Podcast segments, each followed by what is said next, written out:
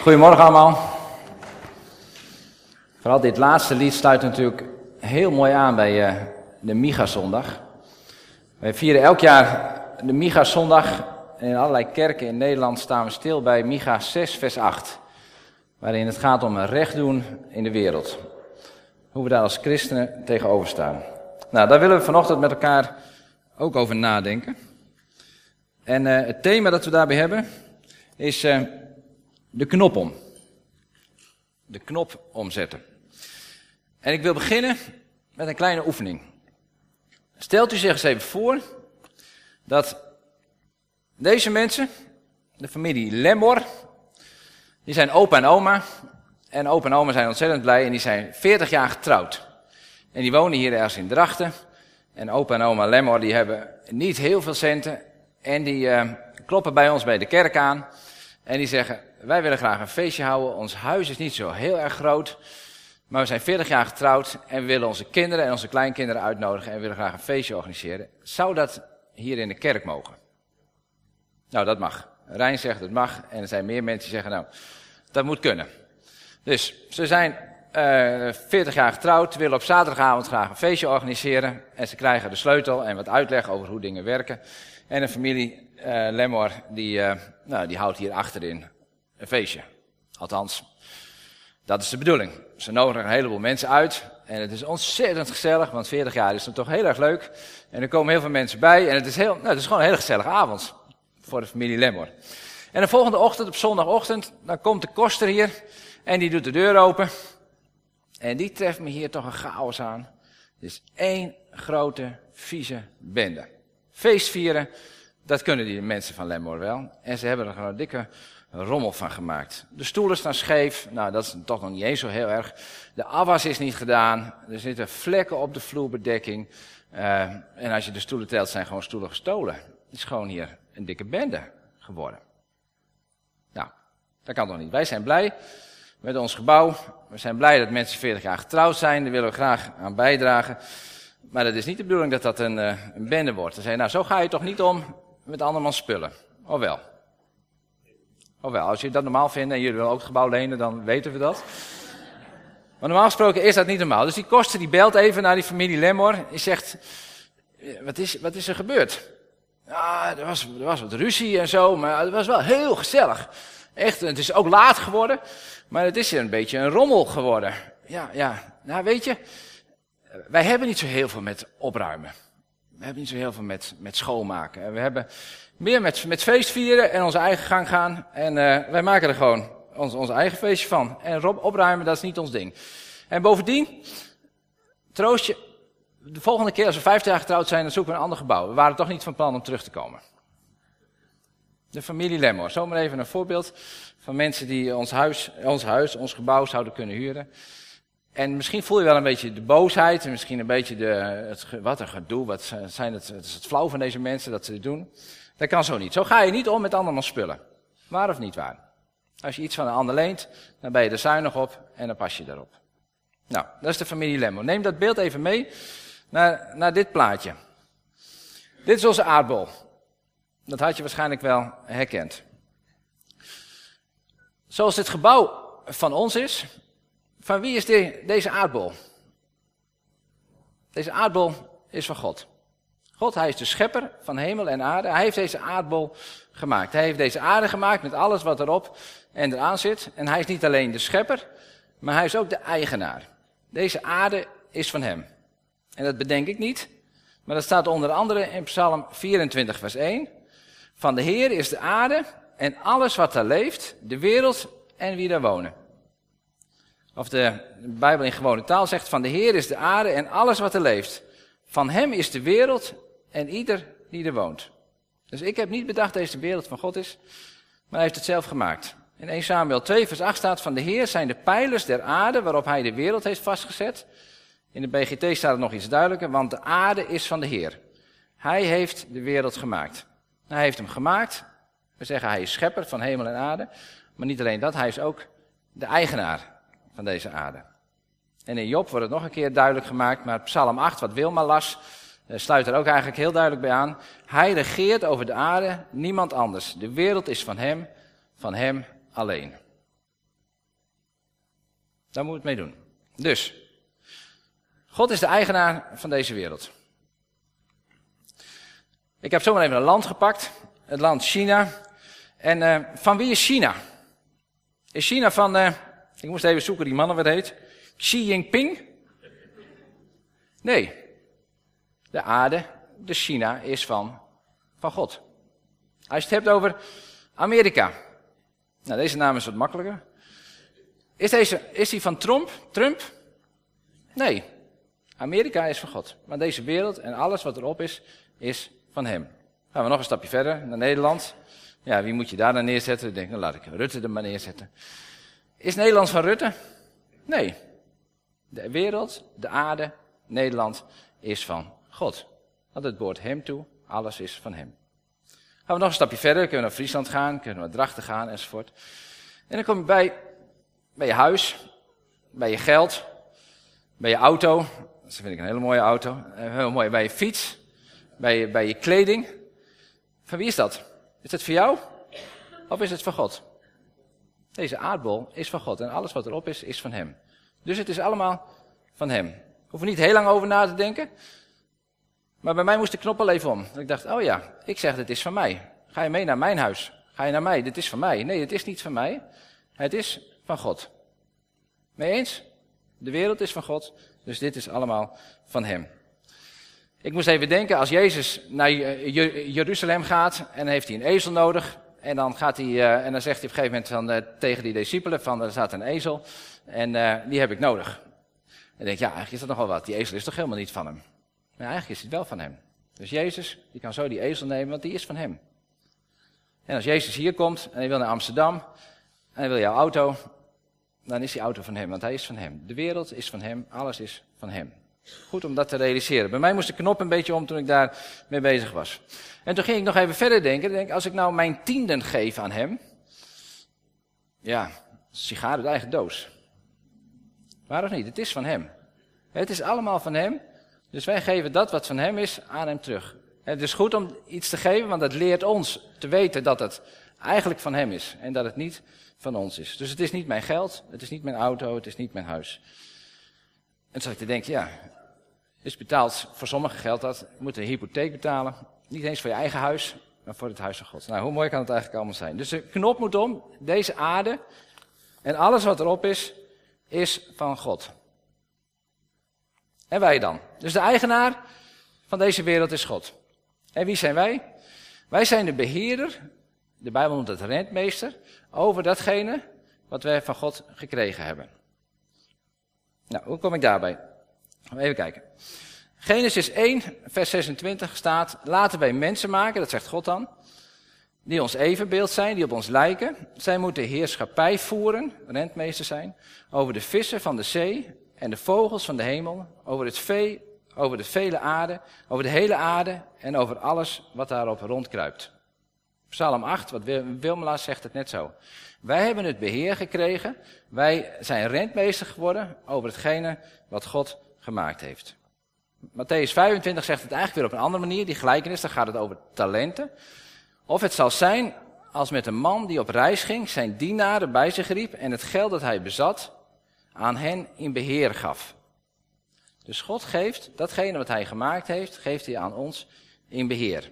En als je dan verder leest, dan zie je, en ieder kreeg naar hetgeen hij aankon. Dus de schepping, alles is van God, maar hij heeft het verdeeld onder ons en wij zijn beheerders geworden. Wij zijn rentmeesters geworden, zoals we dat. Trouwens, het woord rentmeester staat niet echt in de Bijbel, maar wij zijn rentmeesters geworden. Dus als jullie vanmiddag, als je vanmiddag naar de bossen van Beetse Zwaar gaat en je wandelt daar doorheen, dan wandel je door datgene wat van God is. Als je hier door de straten wandelt, het is van God. Die huizen zijn van God, die auto is van God, het park is van God. Het is allemaal van Hem. En wij hebben het in beheer gekregen. Nou, Staats, Staatsbosbeheer heeft het door. In ieder geval, want die zegt al dat ze het beheer hebben. Die weten al, het is niet van ons, maar wij beheren het. Nou, op diezelfde manier zijn wij beheerders geworden. Zijn wij beheerders van wat God ons heeft toevertrouwd. Geen eigenaar, maar beheerder. Rentmeester. Wat is nou een rentmeester? Ik kwam een definitie tegen, als je, ik moest eerst even wennen aan het woord. Dat is goed zorgen voor wat jou is toevertrouwd. daarover waken, het op een verstandige manier gebruiken of inzetten en ervoor zorgen dat het gekregen toeneemt en zich ontwikkelt. Dus niet hetgeen wat je gekregen hebt ga je verbruiken en het mag allemaal wel op. Net zoals die familie Lemor. Maar dat zou de Lemor beter gepast hebben als ze alles even schoon hadden gemaakt en hier een bloemetje hadden neergezet als dank. Dan was het er beter op geworden. Nou, dat is goed rentmeesterschap. Dat het uiteindelijk er beter op wordt. Dat je er goed over waakt, dat je er goed op past en dat het zich verder gaat ontwikkelen. Nou, zo zijn wij rentmeesters van, uh, van de schepping geworden. En zo zijn we al duizenden jaren uh, de rentmeester van wat, heeft God, wat God gemaakt heeft. En als je dan nu in 2017 kijkt naar de tussenstand van hoe ziet de aarde eruit. Nou, daar hoeven we niet heel lang over te praten. Dat ziet er niet goed uit. De wereld zit vol met oorlog. Er zit een grote plastic soep, drijft er ergens in de oceanen. Van al het plastic wat wij eigenlijk niet meer nodig hadden, wat we één of twee keer gebruikt hebben. En dat drijft er allemaal. Mensen in oorlog, er zijn hongersnoden, mensen trekken, er zijn vluchtelingen. De tussenstand is niet heel goed. Wij zijn niet hele goede rentmeesters over deze wereld.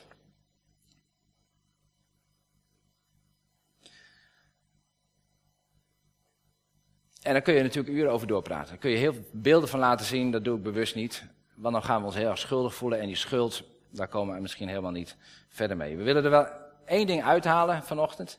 En dat gaat over, over het klimaat. En ik moet je vertellen, toen ik hoorde dat deze Miga-zondag over het klimaat ging, over het milieu, toen dacht ik, oh, daar heb ik niet zoveel mee. Ik vind het wel mooi om mensen te helpen, iets voor mensen te doen, maar het milieu, dat gaat over broeikaseffecten, dat gaat over CO2, dat gaat over stijging van de zeespiegel, dat gaat over dat het steeds warmer wordt in Nederland. Nou, daar ben ik eigenlijk helemaal niet zo ontevreden over, dacht ik eerst. Dat gaat over het milieu. Ik denk, wat, wat moeten we daar nog mee?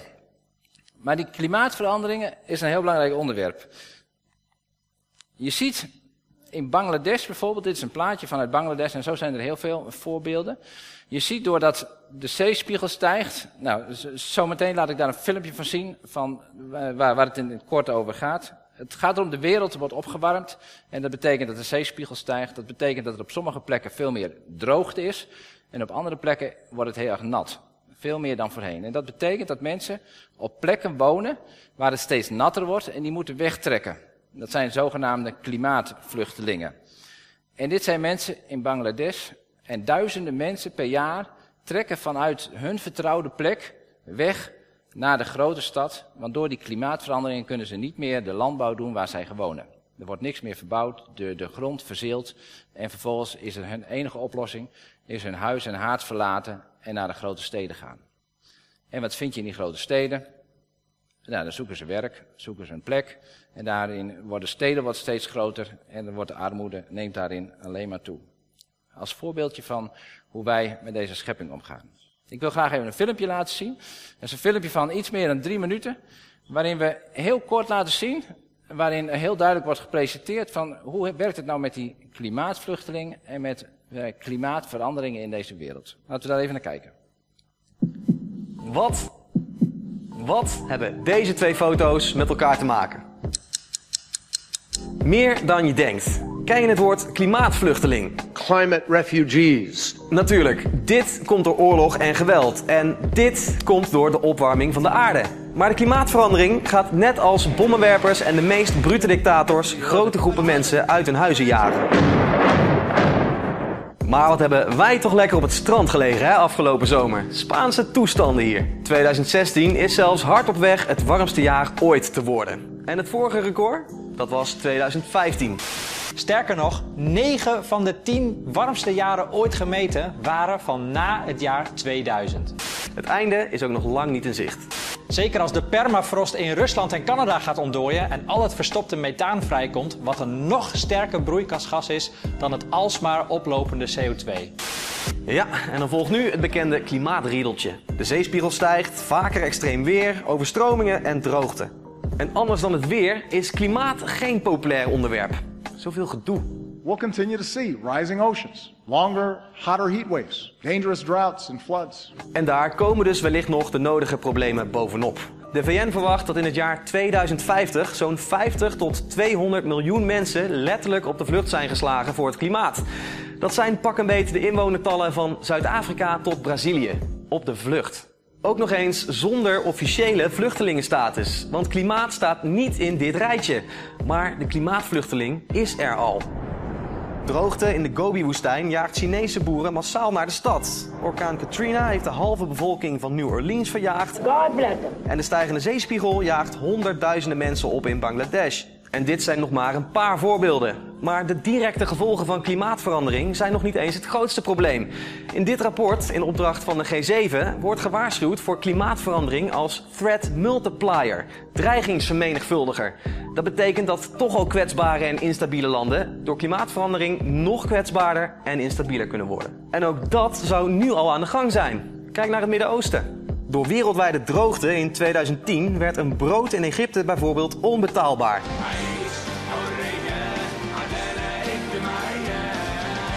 En trokken in Syrië meer dan 1 miljoen boeren naar de stad met overbevolking en meer spanningen tot gevolg. Als klimaatverandering die regionen nog verder bedreigt, waar gaan die vluchtelingen dan naartoe? You think migration is a challenge to Europe today because of extremism? Wait till you see what happens when there's an absence of water, absence of food. Er spelen natuurlijk ontelbaar veel factoren mee. En de cijfers zijn. Maar klimaatwetenschappers, de G7 en de VN maken zich grote zorgen. Greater migration, more refugees, more scarcity, more conflict. Zullen we het dan toch maar weer gewoon over het weer hebben? Ja, want we gaan de komende dagen ook even lekker nazomeren. Geniet nog maar even van de zon, het strand en de zee. Als je maar niet te ver stijgt, want dan kunnen wij zelf onze koffers pakken.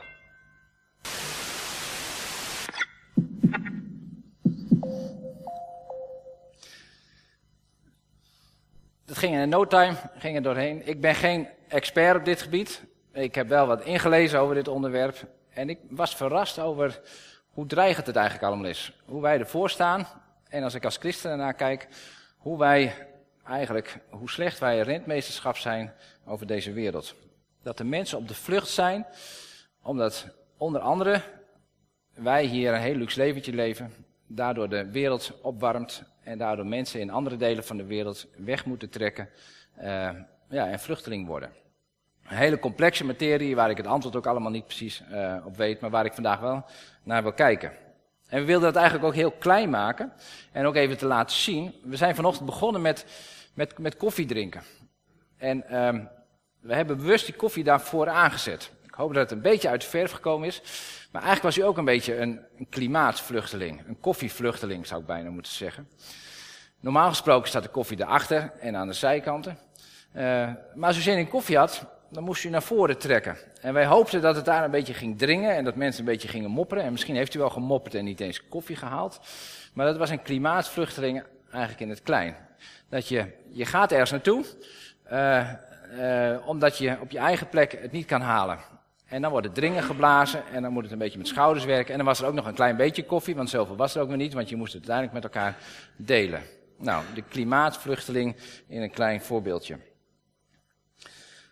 Ja, en zo hebben wij als rentmeesters van deze wereld uh, misschien wel ons best gedaan, maar uiteindelijk hebben we anderhalve planeet nodig op dit moment om iedereen voldoende eten te geven en iedereen voldoende energie te geven. En dat hebben we natuurlijk niet. Dus de knop moet om, het moet eigenlijk allemaal anders. Wij leven hier in een luxe positie, uh, we krijgen mooie dingen, maar dat kost industrie, dat kost energie, dat kost allemaal vervoer, het wordt van over de hele wereld hier naartoe gehaald.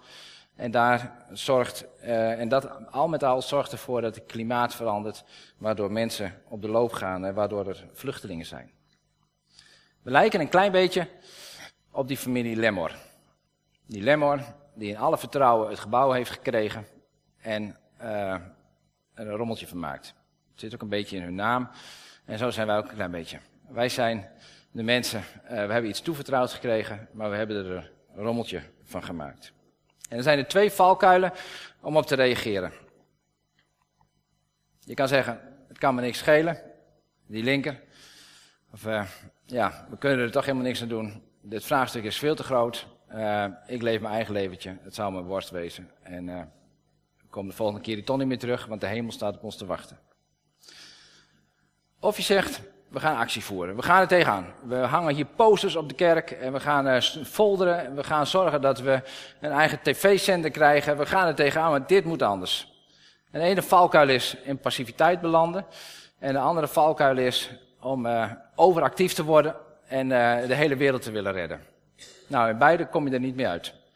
Met stilzitten en niks doen, dan veronachtzaam je datgene waar God ons over heeft gesteld. En als onze eigen gang gaat, dan gaat dat in ieder geval ook mis. En de andere, de overactivisme, dan hebben wij zelf het gevoel van alsof wij de wereld zouden moeten redden. En dat hoeven wij ook niet te doen, gelukkig. Er is ergens een weg om ermee uit te komen, om ermee verder te komen. En daar wil ik nog even een stap verder gaan en nog even teruggaan naar de Bijbeltekst die we net hebben gehad.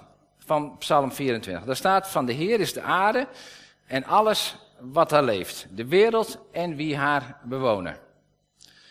Dus datgene wat wij beheren is van God.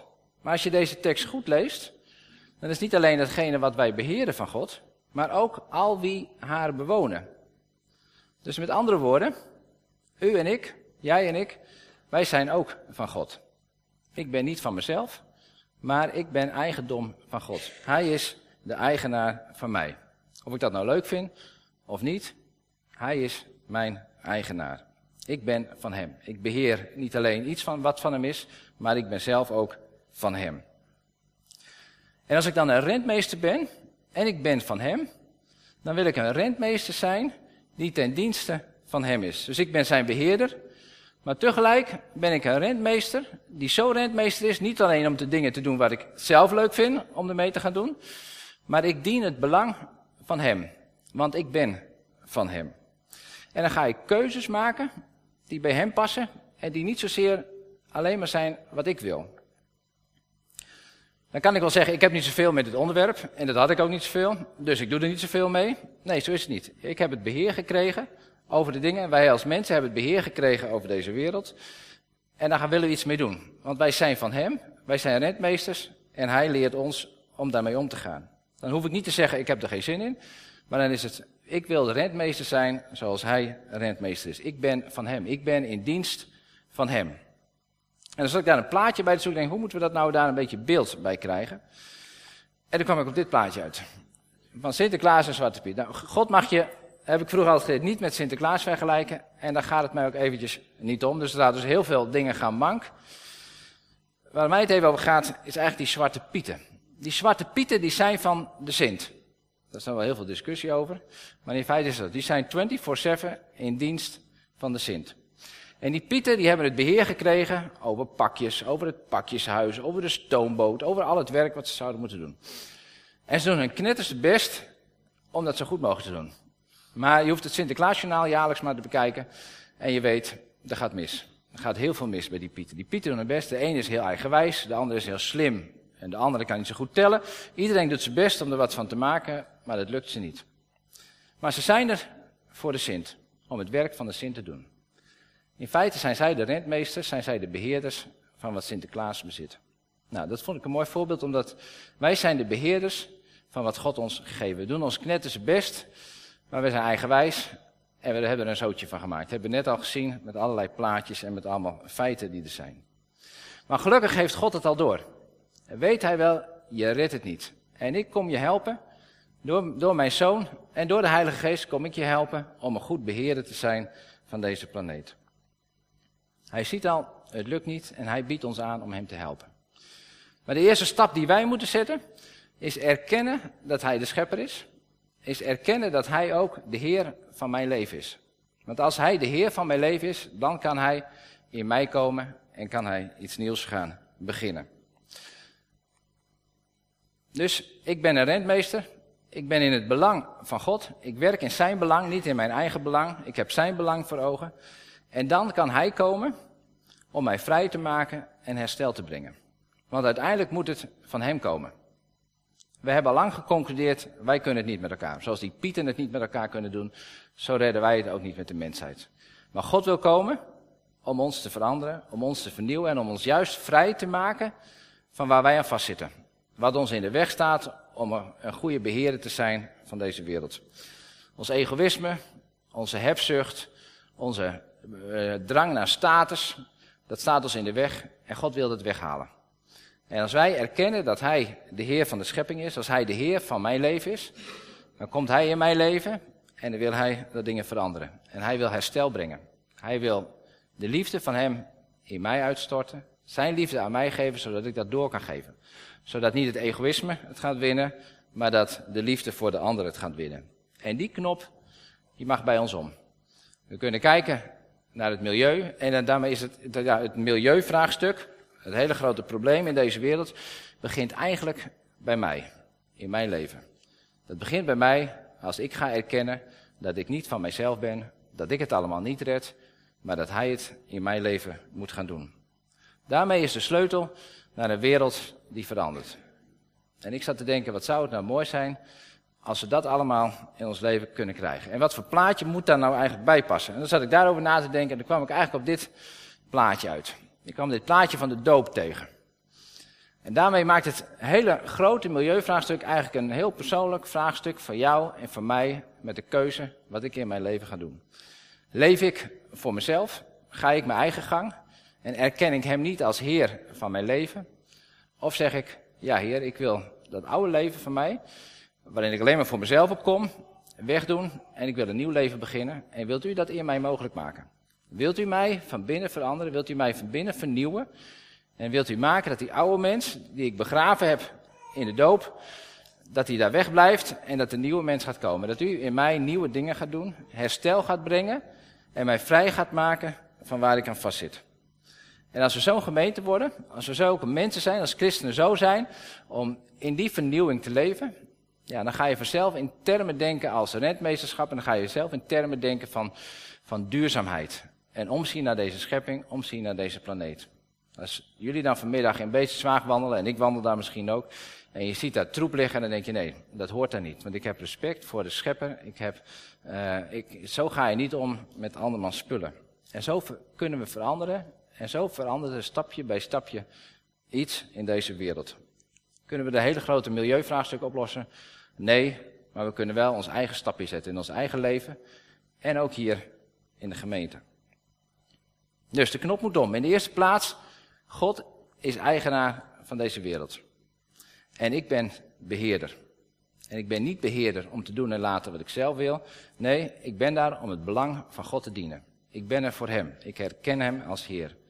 En dan is God in staat om in mijn leven dingen te veranderen. Om mij vrij te zetten, om herstel te brengen en om zo deze planeet en deze wereld, mijn leefomgeving, weer mooier te maken. Nou, zo willen we dat ook hier in, uh, in de gemeente doen, hier in, in de kerk doen. En hoe, hoe, hoe, hoe gaan we dat nu zo, zo meteen doen? Zometeen zingen we lied. En tijdens dat lied is er een collecte. En die collecte willen we bestemmen juist voor allerlei spullen hier in de kerk om het duurzaam te maken. Om goed rentmeester te zijn. Om lampen te kopen die minder energie vragen. En om andere dingen te doen hier in de kerk. Zodat we minder de schepping uitbuiten. Tegelijk is er ook een soort omgekeerde collecte. Deze keer haalt u er geen geld uit. Maar er zitten ideeën in om thuis mee aan de slag te gaan. Om zelf duurzaam te zijn. En misschien heb je ook nog wel ideeën voor de kerk. Je denkt van, dat zou een goed idee zijn wat we als kerk kunnen doen om duurzaam te zijn. Om goed rentmeester te zijn van deze wereld. En daarom hebben we, hebben we, heeft het diaconaat, missionair diaconaal werk, heeft een, uh, een doos gemaakt. En die staat zo meteen hier in, in de gang. En dan kun je allerlei ideeën in stoppen waar je denkt van, oh, dat zouden we als kerk met elkaar kunnen doen.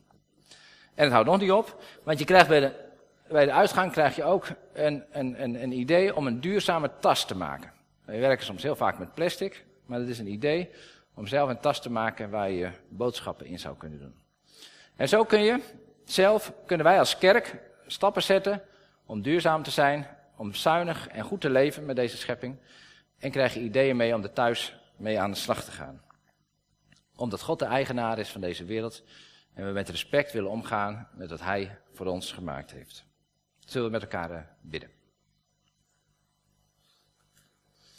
Heer, we danken u, Heer, dat we mogen leven in uw schepping. Heer, dat als we om ons heen kijken naar de natuur, naar de, de geweldige natuur die u gemaakt hebt, dat we daarvan onder de indruk mogen zijn. Hoe geweldig groot u bent en hoe knap u dat allemaal gemaakt hebt. Heer, maar tegelijk moeten we ook erkennen dat we met elkaar niet in staat zijn om het goed te onderhouden. Om het goed te beheren, om een goed rentmeester te zijn. Heer, en we bidden dat u ons daarbij gaat helpen. Heer, eh, want we redden het niet alleen. En we willen onze harten openstellen voor het werk wat u doet in ons, door uw geest, om ons te veranderen. Om uh, steeds meer stappen te kunnen zetten, om juist wel goed beheerder te zijn. Heer, wilt u ons als kerk daarbij helpen, in de stappen die we daarvoor willen zetten. En we bidden, Heer, dat het, um, ja, dat het ook effect mag hebben naar de mensen om ons heen. In ons eigen huis, in onze eigen plek. Maar dat we daarmee laten zien dat we u erkennen als Heer van de schepping. En dat we daarmee willen laten zien dat u onze Heer bent. En dat u de schepper bent. Heer, zo bidden we uw zegen over deze actie. Bidden we uw zegen over ons als gemeente erin. Maar ook op onze eigen plek, in ons eigen huis. Om met deze gedachten aan de slag te gaan. Heer, wilt u zo ons leiden daarin. In Jezus' naam. Amen.